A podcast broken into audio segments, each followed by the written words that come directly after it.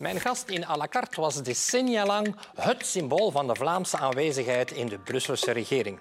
Nu houdt hij het voor bekeken. Hij heeft genoeg mot gekregen, vindt hij. Terugkijken doet hij niet graag. Hij rijdt liever vooruit, zonder in de achteruitkijkspiegels te kijken. Toch blikken we graag terug op zijn politiek verleden met Guy van Hengel. Wat denkt u nu van Brussel? Is Brussel een helhoop? Lukt er niets in Brussel? Hoe gaat het nu met Brussel? Goed of slecht? Gaan we nu vooruit of achteruit? Een stad waar te veel auto's zijn? Of zijn de fietsers te arrogant? Wilt u er komen wonen of willen jullie juist weg? Welkom bij à la carte, meneer Van Hengel. U wou iets zeggen over de generiek. Ja, ik, ik, dat generiekje zo, ik vind dat zo wat, wat zuurig, Lucas.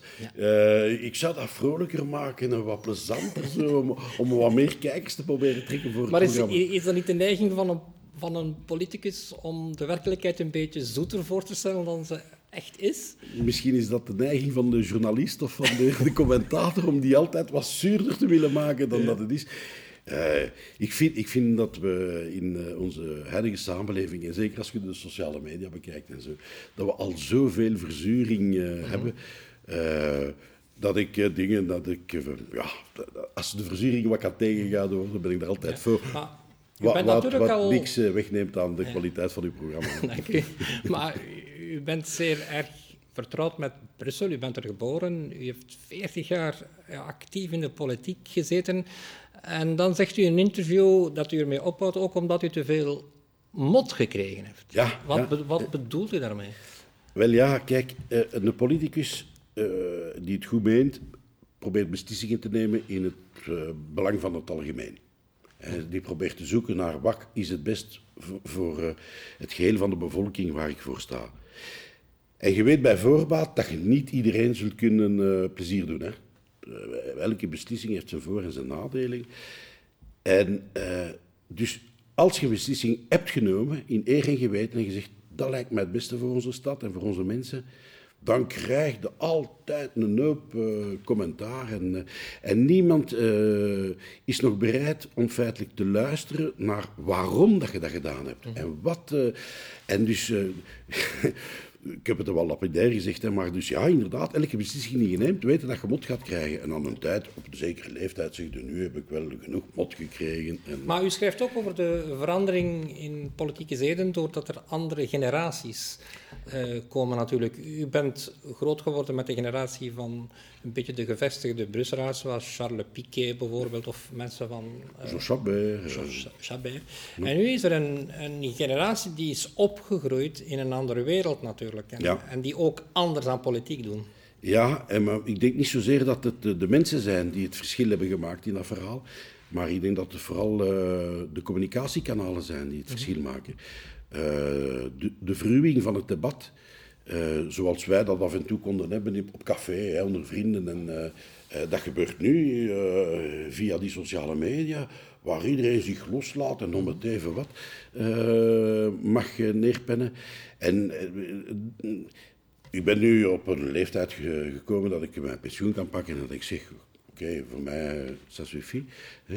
Maar ik zie dus aan een hoop jongere collega's, hè, dat die ook zeggen, eh, ik, ik zie dat niet meer zitten, hè, mevrouw Van Peul, mevrouw Fremmo, eh, eh, een reeks eh, mensen die een stuk jonger zijn dan ik, die ook eh, toch wel een tijdje hebben meegedraaid in de politiek, die ook zeggen, eh, U zegt in een interview dat in uw periode een regering functioneerde, beter functioneerde, omdat er intern overeenkomsten waren waarbij men eh, elkaar dingen gunde, Ja. zoals u zelf zegt. Ja. En dat dat nu veel minder is. Ja, absoluut. Eh, de, ik noem dat in het Frans la connivence entre collègues. Dus de, de samenhorigheid onder collega's over partijgrenzen heen is mij altijd groter geleken in het verleden dan dat dat nu is. Nu worden eh, collega's in de regering eh, aangestuurd door hun partij en door een hele hoop krachten die maken dat die feitelijk bijna permanent dag in dag uit in ruzie moeten zitten. En dat die er mee toe komen om, eh, ondanks het feit dat ze van mening kunnen verschillen, op een rustige, bedaarde manier de pro's, de contra's af te wegen en elkaar te zoeken naar een compromis. Kijk uh, wat er uh, deze dagen aan de, aan de, gang is in de federale regering. Voor 21 juli moeten er absoluut beslissingen worden genomen op tal van domeinen. En iedereen is al aan in alle richtingen en zo, waardoor dat men het uh, bereiken van een compromis tussen die, dat tiental mensen dat rond de tafel moet zitten in die federale regering bijzonder moeilijk maakt. En het feitelijk ook de eerste minister bijzonder moeilijk maakt. Hè? Ja, maar dat belooft voor de komende onderhandelingen over een nieuwe staatsvervorming, als die er komt, zoals iedereen verwacht in 24, dat wordt wel heel moeilijk.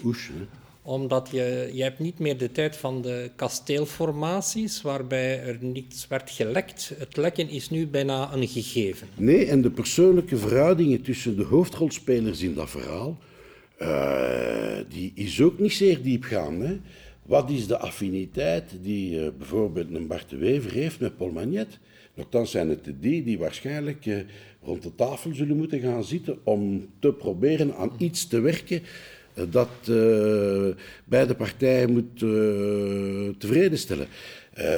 Ik heb het nu over de twee, de twee grootste protagonisten, maar dat geldt voor al wie dat daar rond zit ook. Hè. ik merk dat in de Vlaamse regering, merk dat in de Brusselse regering, merk dat in de federale regering. De, de, de, de, de samenhorigheid die kan bestaan binnen een ploeg die moet besturen. daar moet, denk ik, zeker door de regeringsleiders, heel hard aan gewerkt worden.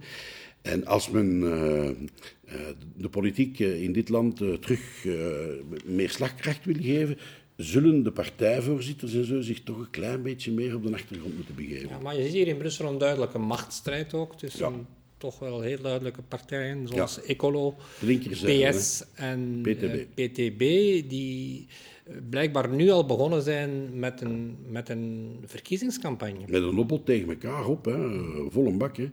En uh, wat mij daar uh, het meeste in uh, bevreesde, bevreesd is misschien een groot woord, maar waar ik heel veel zorgen over heb, is over de, de wijze waarop de godsdienstbeleving daar nu plots ook een bijzondere rol begint in te spelen. U heeft het over het onverdoofd slachten, het debat in het Brussels parlement. En de neutraliteit van de overheid, pak dat maar in, mee, in één beweging mee. Hè.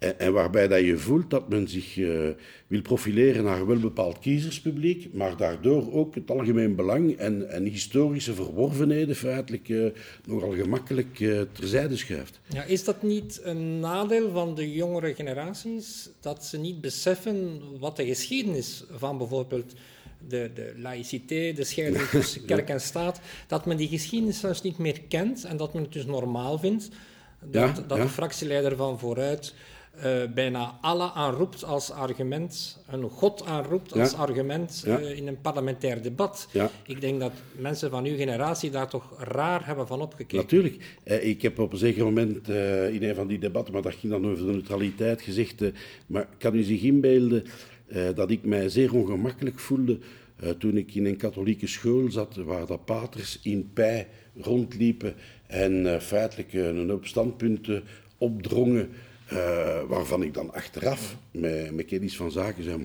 wat was dat nu? Uh, daar, uh, daar, dat onderschrijf ik niet, daar, daar ga ik niet mee. En dat wij ons dus feitelijk moeilijk kunnen inbeelden dat we nu voor een andere religie bereid zou zijn van toegevingen te doen op fundamentele waarden waar wij voor gestreden hebben in het, uh, tegen feitelijk uh, de, de, de, ondemocratische katholieke kerk. Hè. godsdiensten werken op een ondemocratische Maar de partijen zeggen het bijna openlijk. het gaat om de stem van de kiezer. En als die kiezer dan blijkbaar een bepaalde religie heeft, dan, dan moet je daar rekening mee houden als je de verkiezingen niet wil verliezen. Ja. Daar gaan de principes. Ja, wel ja. Dat is dus, uh, dat, dan, dan stopt voor mij het verhaal. Uh, ik heb altijd aan politiek gedaan vanuit wel bepaalde overtuigingen. En uh, als je dus bijvoorbeeld de grens tussen de scheiding van kerk en staat begint af te bouwen. Ik ben, ben een zeer pragmatische en rustige, compromisbereide mens. Maar als je die grens begint af te bouwen en dan naar bovendien godsdienstige argumenten begint voor te gebruiken, dan zeg ik, oh, oh, oh, oh, oh. Uh, dat is niet hetgene waar de waarden die de onze zijn, mee zullen verdedigd worden. En dan heb ik het over al die waarden, hè, de, de gelijkheid van man en vrouw en dit. En dus ja, dan zeg ik, nu moeten we voorzichtig worden. Mhm. Laten we het eens hebben over iets anders, over een van uw grote specialiteiten. U bent heel lang minister van Financiën geweest. U bent een man van cijfers. Ehm, als ik nog eens terugverwijs naar die komende staatshervorming en ik zie hoe het gesteld is met de, de begroting van Brussel, met de schulden van Brussel, met de metrowerken, uh, dat ziet er niet zo goed uit. Dat is een probleem van orde grootheden. Wij zijn een uh, stad met een heel beperkt, uh, beperkte oppervlakte, die, zoals alle grootsteden, heel veel armoede aantrekken, die een bevolking hebben, dat is typisch Belgisch voor de steden, die niet zeer kapitaalkrachtig is, die desondanks het grootste tewerkstellingsbassin zijn van het land. 700.000 mensen werkgeven elke dag. Dat kan niemand niet zeggen in dit land. Uh, maar die desondanks de vruchten niet plukken van de activiteit die daar wordt ontplooid. Uh, bij ons verdient heel veel, geld, heel veel mensen goed in een boterham veel geld en die gaan daarmee naar huis. En de belasting betalen ze elders? Ja, en die gaan daarmee naar Vlaams-Brabant of Wals-Brabant of nog verder. Waardoor dat Vlaams-Brabant en Wals-Brabant van de rijkste regio's zijn van Europa. Desondanks om dat te kunnen blijven doen wat we doen, zitten wij met gigantische investeringen. Ik denk uh, aan het verhaal dat we nu aan het afronden zijn. Heel de renovatie van die tunnels, uh, die moest gebeuren. De metro. Nog vroeger de ontwikkeling van waterzuiveringsinstallaties, die gigantisch veel geld gekost hebben aan Brussels gewest en die feitelijk dienen om proper water naar uh, de Noordzee te sturen. De metro nu die in feite het beste vervoermiddel zijn in een stad. Uh, en dat weet men al sinds uh, het begin van de 20e eeuw in alle andere steden van Europa. Dat zijn investeringen waarvan het volume zodanig groot is dat dat op het budget van een klein gewest als het onze, met een beperkt financieel, financiële draagkracht omwille van niet de rijkste inwoners, uh, heel moeilijk dragen is. Heel moeilijk dragen is. U, en dus, u... dus de staatshervorming, want ik kom tot het beginpunt van de vraag. Uh, we weten dat die hoe dan ook ter tafel gaat komen te liggen. Die moet door de Brusselaars nu voor één keer heel goed en grondig worden voorbereid. Zodat we alle argumenten, financiële, organisatorische en andere hebben, om te kunnen zeggen, als je nu nog verder hervormt, dan moeten we zien dat dit kleine gebied de middelen heeft die het nodig heeft om te kunnen uitstralen en zijn best te kunnen doen voor iedereen. En dat betekent dat men aan Vlaamse en aan Waalse kant een beetje toegevingen zal moeten doen aan Brussel. Ja, maar op uw plaats hebben alle Vlaamse partijvoorzitters gezeten in dit programma. Ik heb het gezien. En met alle respect, maar ik kon me niet van de indruk ontdoen dat het Brussel niet echt een, een eh, hun uh, belangrijkste strijdpunt zal zijn bij die uh, onderhandelingen. Ja, ik weet dat. Ik weet dat. En, en, en dus reden te meer.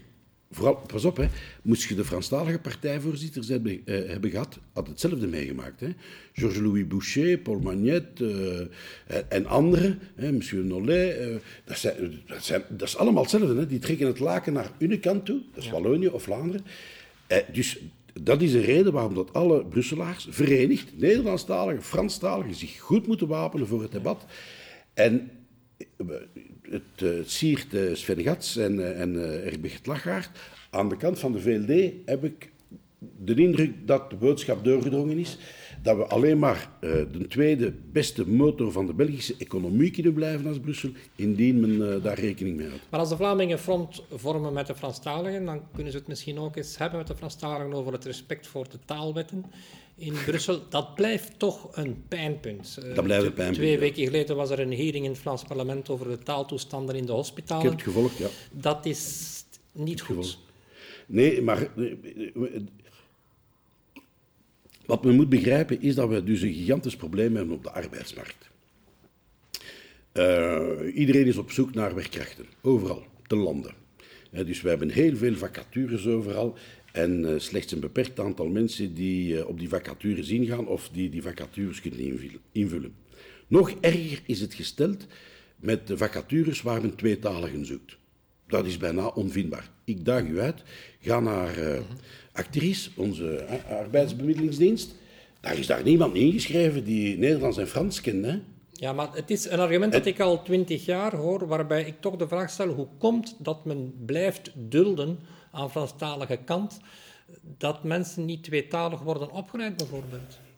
Wel, omdat men, u, kent, u kent heel veel Franstaligen. Ja, ja, ja omdat ze dus zich natuurlijk uh, kunnen uh, verschuilen achter het probleem van de arbeidsmarkt. Neemt niet weg dat ik sinds ik in de politiek ben gestapt, vele decennia terug, en nu toch wel zie dat er een hele grote attitudeverandering is gekomen aan Franstalige kant. Bijvoorbeeld tot en met in een monocommunautair Franstalig ziekenhuis zoals Erasme, geeft men taallessen Nederlands op de urgentiediensten. Tijdens de diensturen op kosten van de werkgever. Omdat ze wel weten dat zij ook een stuk van Vlaams-Brabant bedienen. Hè, en dat het goed zou zijn mochten hun ploegen een minimum aan Nederlands kennen. Dat dat niet perfect verloopt, dat is ongetwijfeld Maar het is toch nog altijd God geklaagd dat je in Brussel kunt worden tegengehouden door een agent die geen vermaledheid woord Nederlands spreekt. En waar wij dan geacht worden van Frans tegen. Dat is dat is, dat is feitelijk onaanvaardbaar. Kan dat op tafel gelegd worden tijdens onderhandeling? Dat kan, ja, dat kan. De, de enige moeilijkheid is, hoe lossen we het op? Hè? Uh, dat je dat op tafel legt. Door dat niet langer te aanvaarden misschien. Ja, maar dan, heb je, eh, dan gaat je te weinig agenten op, op, dienst hebben. Net zoals als je zegt, alle verpleegsters die niet tweetalig zijn, sturen we naar huis. Mhm. Ja, dan zit jij dus met, met, duizenden patiënten die geen... Maar men aanvaardt dat een agent geen tweetalig spreekt. Men aanvaardt niet van een architect dat hij niets van wiskunde kent. Voor Franstaligen is, is dat absoluut geen probleem, dat, zij, dat iemand niet ja. tweetalig is. Maar wij aanvaarden dat al altijd. Ja, en, en bij de agenten is het zelfs, uh, gaat het nu ook een beetje in de twee richtingen. Degenen die het Nederlands niet machtig zijn en Franstalig zijn, zijn in grotere getallen. Maar we hebben er ook een aantal die uit Vlaanderen komen. Die geen Frans spreken. En die zeer moeilijk Frans spreken. Ja. Uh, dus het, we moeten wat dat betreft, en daarvoor ben ik zo blij dat de, de Brusselse regering uh, de klemtoon legt op meertaligheid en dat, dat collega Gats uh, dat dossier trekt. Wij moeten absoluut verder werken aan het uh, promoten van taalkennis en meertaligheid uh, bij de bevolking. Uh, maar moeten Vlamingen, Vlamingen ook niet durven van grootste... af en toe een veto te stellen tegen bijvoorbeeld ja, maar... eentalige oh, ja, federale ik ministers? Ik heb, dat, ik, heb dat, ik heb dat van zijn leven gedaan, hè, meneer Van der Talen, maar zonder veel poe te maken. Op een zeker moment waar men in de Brusselse regering een eentalige directeur-generaal van het onderwijs van de stad Brussel benoemen. Ja. Ik kom daaruit, hè. Ik zeg, no way, hè. Zeg, dat, dat, kan een perfecte pedagoog zijn, een hele goede manager. Maar dus het uh, onderwijs van de stad Brussel is altijd hoog aangeschreven geweest. Het bestaat uit een grote groep Franstalige scholen, maar ook uit een aanzienlijke grote groep Nederlandstalige instellingen. Ik zeg, de directeur-generaal van die uh, zal dus tweetalig zijn. Hè. Uh, dat je niet altijd overal tweetaligen vindt, maar voor een directeur-generaal gaat dat vinden. Hè. En toch zitten Freddy Tielemans, zalig, een vriend trouwens, zette door. En in de regering heb ik toen gezegd, wij gaan die uh, beslissing vernietigen. Dat heeft dan uh, geleid tot een week of twee grote heibel in die, vereniging, in, in, die regering. Maar, de, maar die benoeming is vernietigd geweest. Op sommige momenten moet je wel echt degelijk op je strepen staan. Hebben de Vlamingen dat niet te weinig gedaan de afgelopen jaren? mijn vrees is dat die jongere generatie dat die dat niet goed beseft, hoe hard je soms moet zijn in onderhandelingen met Franstaligen? De, de collega's in het parlement, die, die dus, uh, dat is een voordeel, die van meerderheid en oppositie zijn, uh, zullen u uh, waarschijnlijk zeggen dat wat dat betreft ik nogal onwrikbaar ben. Maar alleen op het moment dat ik weet dat het kan. Mm -hmm. dat, dat, dat het redelijk is en, en, dat ik daarmee geen anderen in de moeilijkheden breng. Bijvoorbeeld zeggen, ik, ik aanvaard geen verpleegsters meer tenzij dat ze tweetalig zijn, dan weet ik dat ik duizenden patiënten zonder zorg zet. Uh, en dat kan niet de bedoeling zijn. Maar je kunt wel een veto stellen naar de toekomst toe. Je kan zeggen, binnen vijf jaar vinden wij dat alle verpleegsters tweetalig moeten zijn. Akkoord. Maar u weet, uh, zoals ik, uh, hoe snel de bevolking uh, wijzigt in, in onze stad. Hè. Wij zijn een, een stad waar dat we bevolkingsmetamorfoses hebben meegemaakt de voorbije decennia. Om de tien jaar hè, verandert die samenstelling van die bevolking bijna volledig. En dus Eh, ja, dat is een moeilijkheid. Wat de kern van het verhaal is en ons al heel veel heeft vooruitgeholpen, is het succes van het Nederlandstalig onderwijs. U heeft het aantal leerlingen verdubbeld. Yes. En dat zijn dus allemaal gasten die buiten komen op hun 18-jarige leeftijd. En die drietalig zijn. Voilà. Ja. En meestal viertalig, want die hebben dikwijls nog een, achter, een andere achtergrond. Maar die kunnen tenminste Nederlands, Frans en Engels. Goed, meneer Van Hengel, helaas zijn we aan het einde gekomen van dit boeiende gesprek. Graag tot een volgende keer en nog veel plezier in uw leven na de politiek. En voor u ook veel succes, meneer Van der Talen. Bedankt, beste kijker. Volgende week is Melina hier weer. Graag tot een volgende keer. Dag.